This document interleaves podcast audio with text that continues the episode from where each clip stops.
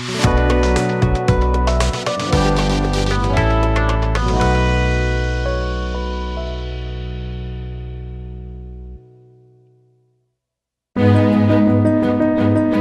္ဂလာပါရှင်မြန်မာပြည်သူပြည်သားအပေါင်းစိတ်ချမ်းသာခြင်းကိုယ်ဤကျန်းမာခြင်းနဲ့ပြည့်စုံကြပါစေလို့ PPTV ဖွဲ့သားတွေကဆုတောင်းမေတ္တာပို့တာပါတယ်ယခုတစ်ပတ်အတွင်းဖြစ်ပေါ်ခဲ့တဲ့သတင်းတွေနဲ့ပတ်သက်ပြီးသတင်းအကျဉ်းချုပ်မှုကိုကျမမေတူးကတင်ဆက်ပေးမှာဖြစ်ပါတယ်ရှင် ပထမအဆုံးအနေနဲ့ပြည်သူစစ်သားကောင်းတွေကိုနှွေးထွေးစွာကြိုးဆိုနေတယ်လို့ကာကွယ်ရေးဝန်ကြီးဌာနကအသိပေးထုတ်ပြန်ပါတယ်အကြမ်းဖက်ခေါင်းဆောင်မင်းအောင်လှိုင်ကိုစွန့်ခွာပြီးပြည်သူရင်ခွင်ခိုလုံလာမဲ့ပြည်သူစစ်သားကောင်းတွေကိုနှွေးထွေးစွာကြိုးစုံနေတယ်လို့အမျိုးသားညီညွတ်ရေးအစိုးရကာကွယ်ရေးဝန်ကြီးဌာနကအေပြည်နှစ်ရက်မှာထုတ်ပြန်ခဲ့ပါတယ်။ ထုတ်ပြန်ချက်ထဲမှာတော့တော်လန်ရေးအရှင်ရလာတာနဲ့မျှအစစအရာရာကိုဆွန့်လွတ်ပြီးတရားတဲ့ဘက်မှာရက်တီခိုဝင်လာကြတဲ့ပြည်သူစစ်သားကောင်းတွေရဲ့အင်အားကအရေးအကြီးဆုံးအင်အားတစ်ရပ်ဖြစ်လာကြောင်းလူတစုအာဏာတည်မြဲဖို့အတွက်စစ်ကောင်စီရဲ့အတုံးချခံအနေနဲ့ဆက်လက်မရက်နိုင်တော့ပဲပြည်သူစစ်သားကောင်းတွေကကိုတက်တိကျွမ်းကျင်ထားတဲ့ဉာဏ်ပညာရည်ရည်မှုတွေကိုမှန်ကန်တဲ့ပြည်သူဘက်မှရက်တည်ပြီးဒေါ်လာရေးအတွက်နိုင်ရဝင်ကိုထမ်းဖို့ဆောင်ရွက်နေကြကြောင်းကိုဖော်ပြထားပါတယ်။ စစ်ကောင်စီရဲ့မတရားနှိပ်စက်အနိုင်ကျင့်မှုတွေကြောင့်တက်အတွင်းမှာလဲလှိုက်စားပြိုကွဲနေကြသလိုအလုံးရဲ့ပူပေါင်းမှုတွေကလည်းအရှိုက်ထိစေကြောင်းနဲ့မတရားမှုတွေကိုတွန်းလှန်နိုင်မှုအချိန်ကောင်းအခါကောင်းဖြစ်တဲ့အတွက်ပြည်သူဘက်မှရက်တီပူပေါင်းပြီးအမှန်တရားအတွက်တိုက်ပွဲဝင်ကြဖို့အတွက်လည်းတိုက်တွန်းထားတာတွေ့ရပါတယ်။မက်လာနောက်ဆုံးအပတ်မှာဖြစ်ပွားခဲ့တဲ့ကရင်နီဒေသကတိုက်ပွဲတွေအတွင်းမှာအကြမ်းဖက်စစ်တပ်ကအရာရှိ2ဦးအပါအဝင်23ဦးထပ်မံတေဆုံး ကရင်နီအမျိုးသားများကာကွယ်ရေးတပ် KNDF အပါအဝင်ကရင်နီဒေသတွင်တော်လှန်ရေးတပ်ဖွဲ့တွေရဲ့တိုက်ခိုက်မှုတွေကြောင့်မက်လာနောက်ဆုံးအပတ်အတွင်းမှာစစ်ကောင်စီတပ်ဖက်ကအရာရှိ2ဦးအပါအဝင်23ဦးထပ်မံတေဆုံးခဲ့တယ်လို့ KNDF က AV တရက်ကထုတ်ပြန်လိုက်တာပါ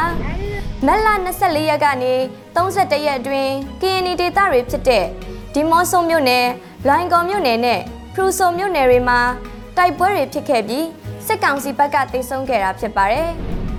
အထိနာခဲ့တဲ့အကြမ်းဖက်စစ်ကောင်စီတပ်ဖွဲ့တွေကထူလီဗီလာကျေးရွာအတွင်းကနေအိမ်6လုံးနဲ့ဒီမော့ဆိုမြို့နယ်9မိုင်ကျေးရွာအတွင်းကနေအိမ်9လုံးကိုမိရှို့ဖျက်ဆီးခဲ့ပါတယ်။လက်နက်ကြီးတွေနဲ့ကျေးရွာတွေကိုပြစ်မှတ်ထားတိုက်ခိုက်ခဲ့လို့ဒေါတော်ကူးရွာကတက်ကြီးပိုင်းအရက်သား2ဦးဒဏ်ရာရခဲ့တယ်လို့ KNDF ကထုတ်ပြန်ခဲ့ပါတယ်။မက်လာစတုတ်ထဘက်အတွင်းတိုက်ပွဲတွေမှာကြာဆုံးခဲ့တဲ့ KNDF တပ်ရင်း15ကရဲဘော်ကတော့အမျိုးသားအာဇာနည်အဖြစ် တမိုင်းမှတ်တမ်းတင်အလေးပြုခဲ့ကြောင်းလည်းထုတ်ပြန်ခဲ့ပါတယ်။နောက်တစ်ပုတ်အနေနဲ့ကတော့လေးကိကောဒေတာကိုဝင်လာတဲ့စစ်ကောင်စီတပ်က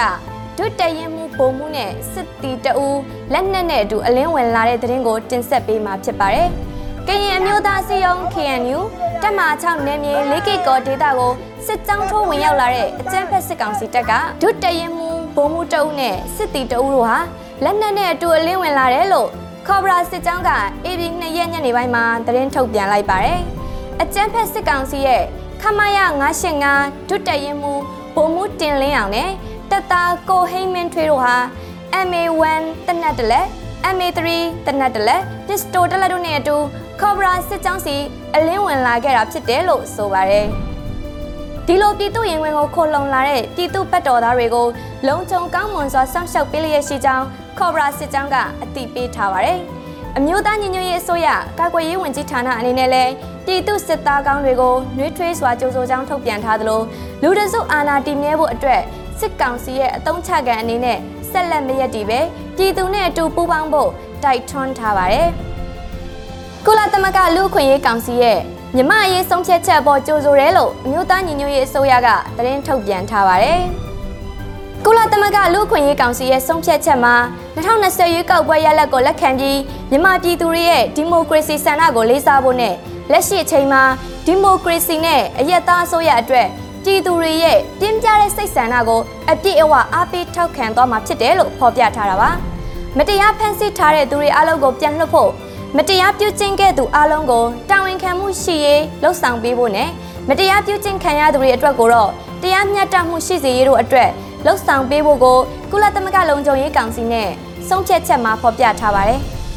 နောက်တစ်ပုတ်အနေနဲ့ငွေတိုက်စာချုပ်ပေါင်း9000ကျော်ရောင်းချထားရဆိုတဲ့သတင်းကိုတင်ဆက်ပေးမှာဖြစ်ပါတယ်။ AB လာအတွက်ဝယ်ယူသူတွေကိုငွေရပြေစာတွေမှာကိုမင်းကိုနိုင်ရဲ့ပကြည် postcard ထည့်သွင်းပေးမယ်လို့ကြေညာထားပါတယ်။ အမျိုးသားညီညွတ်ရေးဆိုရကရောင်းချနေတဲ့ငွေတိုက်စာချုပ်တွေကအခုဆိုရင်9000ကျော်အထိရောင်းချထားပြီးဖြစ်တယ်ဆိုတာနဲ့ယခုအေဒီလာအတွက်ငွေတိုက်စာချုပ်ဝယ်ယူသူတွေကိုကိုမင်းကိုနိုင်ရဲ့အမတ်တရလက်ဆောင်ပကြည် postcard ကိုပါထည့်သွင်းပေးသွားမှာဖြစ်တယ်လို့စီမံကိန်းဘန်နာရေးနဲ့ယင်းနှမြုံနှံမှုဝန်ကြီးဌာနက AB ၄ရက်ကသတင်းထုတ်ပြန်လိုက်ပါတယ်။ထုတ်ပြန်ချက်မှာတော့ငွေတိုက်စာချုပ်ကိုယ်စားလှယ်တွေထဲမှာဝန်ဆောင်မှုအပေးရဆုံးကစင်ကာပူနဲ့အမေရိကန်နိုင်ငံတွေဖြစ်ပြီးတော့ ပြည်သူလူထုရဲ့နှီးမျိုးစုံနဲ့တက်ဆွမ်းသမျှထောက်ပံ့ခဲ့ကြတဲ့အထက်မှာငွေတိုက်စာချုပ်ဝယ်ယူပြီးရင်းနှီးမြှုပ်နှံခဲ့တဲ့ပမာဏဟာအများဆုံးအဖြစ်မှတ်တမ်းတင်နိုင်ခဲ့ပြီဖြစ်တယ်လို့ဆိုထားပါတယ်။ငွေတိုက်စာချုပ်တွေကိုအယောင်ကိုယ်စားလှယ်တွေအကူအညီနဲ့ရောင်းချလာတာဟာ3လရောက်ခဲ့ပြီလည်းဖြစ်ပါတယ်ရှင်။နောက်တစ်ပုဒ်အနေနဲ့ KNU ခေါ်တူးလေအုပ်ချုပ်နယ်မြေမှာမက်လာအတွင်းတိုက်ပွဲအကြိမ်ရင်900ကျော်ဖြစ်ပွားခဲ့ပြီးစစ်ကောင်စီနဲ့ BGF တပ်ဖွဲ့ဝင်400ကျော်တေဆုံးဆိုတဲ့သတင်းကိုတင်ပြပေးမှာဖြစ်ပါတယ်။ကရင်အမျိုးသားစီယုံ KNU ကော်တူးလေအုပ်ချုပ်နယ်မြေမှာမက်လာအတွင်းတိုက်ပွဲ910ကြိမ်ဖြစ်ပွားခဲ့ပြီးစစ်ကောင်စီတပ်နဲ့လက်ပါစီနေချောင်းဆောင်တပ်ဖွဲ့ BGF တို့က429ဦးသေဆုံးခဲ့တယ်လို့ KNU ဗဟိုသတင်းနဲ့ပြန်ကြားရေးဌာနက AB 9ရက်ကထုတ်ပြန်လိုက်ပါတယ်။အဲ့ဒီတိုက်ပွဲတွေမှာ KNU ရဲ့ကရင်မျိုးသားလွတ်မြောက်ရေးတပ်မဟာ KNL ကရင်မျိုးသားကာကွယ်ရေးတပ် KNDO တို့ကတပ်ဖွဲ့ဝင်22ဦးကြာဆုံးခဲ့ရပြီး35ဦးဒဏ်ရာရခဲ့တယ်လို့လည်းဖော်ပြထားပါတယ်။မက်လာအတွင်းတိုက်ပွဲတွေမှာစစ်ကောင်စီတပ်ရဲ့စစ်သုံးရင်35စီးကိုဖျက်ဆီးနိုင်ခဲ့တယ်လို့လည်း KNU ကထုတ်ပြန်ပါတယ်။အာနာသိန်းစစ်ကောင်စီတပ်တွေကအင်အားသုံးထိုးစစ်ဆင်တာလက်နက်ကြီးလက်နက်ငယ်တွေနဲ့ရန်တမ်းပစ်ခတ်တာလေကြောင်းကဘုံကျဲတိုက်ခိုက်ခဲ့တာတွေကြောင့် ဒေသခံပြည်သူတသိန်းကျော်နေရက်ဆွန့်ခွာပြီးဘေးလွတ်ရာကိုထွက်ပြေးတိမ်းရှောင်နေရတယ်လို့ KNU ကထုတ်ပြန်ခဲ့ပါတယ်။နောက်တစ်ပုတ်အနေနဲ့ကရင်မျိုးသမီးစီယုံ KWO ကအမျိုးသားညီညွတ်ရေးအစိုးရပြည်ထောင်စုဝန်ကြီးနော်ဆူဆန်နာလှလှဆိုးကို Excellent Service Award ဆုချီးမြှင့်ခဲ့ပါတယ်။38နှစ်မြောက်ကရင်အမျိုးသမီးများအစည်းအရုံး KN Women Organization KWO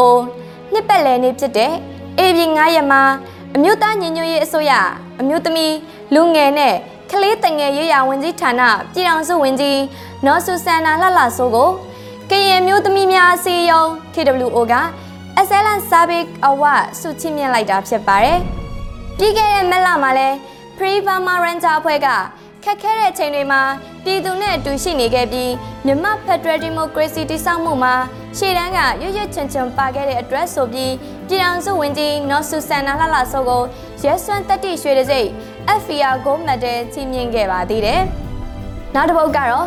စီရီယန်တွေကိုဖိနှိပ်မှုပြုလုပ်နေတဲ့နန်းစီရီယန်ဝန်ထမ်းအရာရှိတယောက်ကိုကိုအမျိုးသားညီညွတ်ရေးဆိုရကအမြင့်ပြည့်စည်ရင်သွင်းပြီးယာရုကထုတ်ပယ်တဲ့တဲ့ရင်ကိုတင်ဆက်ပေးမှာဖြစ်ပါတယ်။ စီရီယန်တွေကိုဖိလိမ့်မှုပြုလုပ်နေတဲ့လူသားချင်းစာနာထောက်ထားရေးနဲ့ BNN ဆိုင်ရာစီမံခန့်ခွဲရေးဝန်ကြီးဌာနရုံးက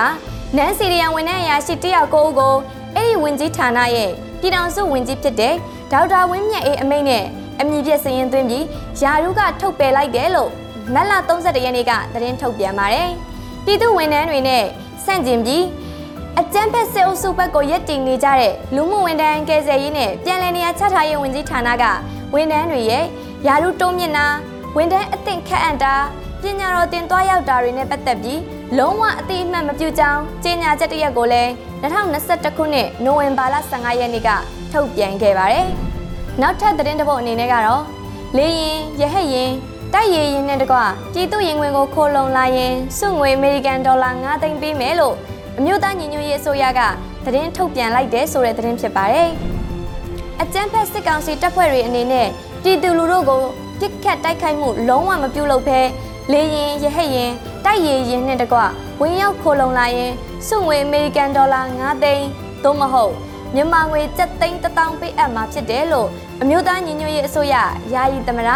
ဒူဝါလက်ရှိလာက AB 9 ရက်ကအမိန့်စာထုတ်ပြန်လိုက်ပါတယ်။လေရင်ရဟတ်ရင် တိုက်ရည်ရင်နဲ့တကွပြည်သူရင်ကွင်းတို့ခိုလုံလာရင်စုငွေအမေရိကန်ဒေါ်လာ9သိန်းသို့မဟုတ်မြန်မာငွေကျပ်သိန်း1000ချင်းမြင့်မှာဖြစ်ပြီးတိုက်လေရင်ရဟတ်ရင်ထောက်ပို့လေရင်တိုက်ရည်ရင်တွေကိုအကြမ်းဖက်စစ်တပ်အခြေဆက်စခန်းမှာရန်နာထားစဉ်အကြီးစားပျက်စီးမှုဖြစ်စေတဲ့အထိဖျက်ဆီးနိုင်ရင်တစည်းလျင်စုငွေအမေရိကန်ဒေါ်လာ3သိန်းသို့မဟုတ်မြန်မာငွေကျပ်သိန်း6000ချင်းမြင့်မယ်လို့ထုတ်ပြန်ပါတယ်။စုချင်းမြင့်ငွေတွေကိုအချက်အလက်ခိုင်ခိုင်လုံလုံတင်ပြနိုင်တဲ့အထိ အစိုးအဖွဲ့လိုက်ဖြစ်စေတအုပ်ချင်းဖြစ်စေခံစား권ရှိတယ်လို့ဆိုထားပြီးစုချင်းငွေတွေလက်ခံရယူတာနဲ့ဆောင်ရွက်ချက်တွေကို The Public Property Protection Act 1947အရာတရားစွဲဆိုအရေးယူအပြစ်ပေးခြင်းမရှိစေရဆိုပြီးတော့လဲဖော်ပြထားတာတွေ့ရပါတယ်ရှင်။ဖန်စီကန်အသက်၄နှစ်အရွယ်ကလေးငယ်နဲ့မိခင်တို့အသက်အန္တရာယ်စိုးရိမ်နေရပြီးနိုင်ငံတကာအဖွဲ့အစည်းတွေအနေနဲ့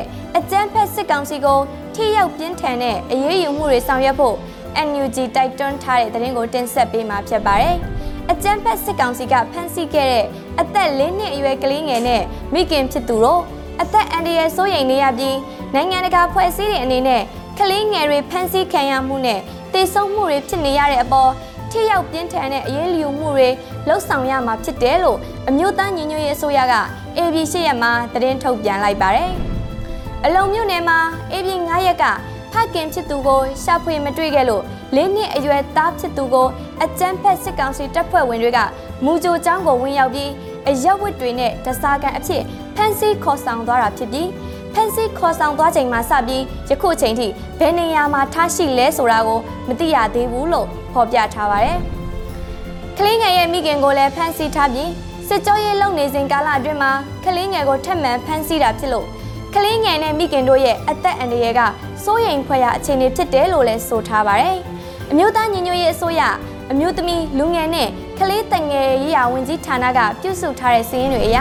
အာနာသိမ့်ပြီးနောက်ပိုင်းအကြမ်းဖက်စစ်တပ်ရဲ့တပ်ဖြတ်မှုကြောင့်တေဆုံးခဲ့ရတဲ့18နှစ်အောက်ကလေးတငယ်ဦးရေကအေဒီလ4ရက်နေ့ထိ132ဦးဖမ်းဆီးခံရသူဦးရေကအေဒီလ1ရက်နေ့ထိ216ဦးရှိနေပြီဖြစ်ပြီးဖမ်းဆီးခံရသူတွေထဲမှာမှ 2ဦးကတေတံချမှတ်ခံထားရပြီးတေတံချမှတ်ခံထားရတဲ့ကလေး2ဦးထဲမှာအသက်15နှစ်အောက်တဦးပါဝင်တယ်လို့ဆိုပါတယ်။တပတ်အတွင်းသတင်းအကျဉ်းချုပ်စီစဉ်ကိုတင်ဆက်ပေးခဲ့တာဖြစ်ပါတယ်။ကျေးဇူးတင်ပါတယ်ရှင်။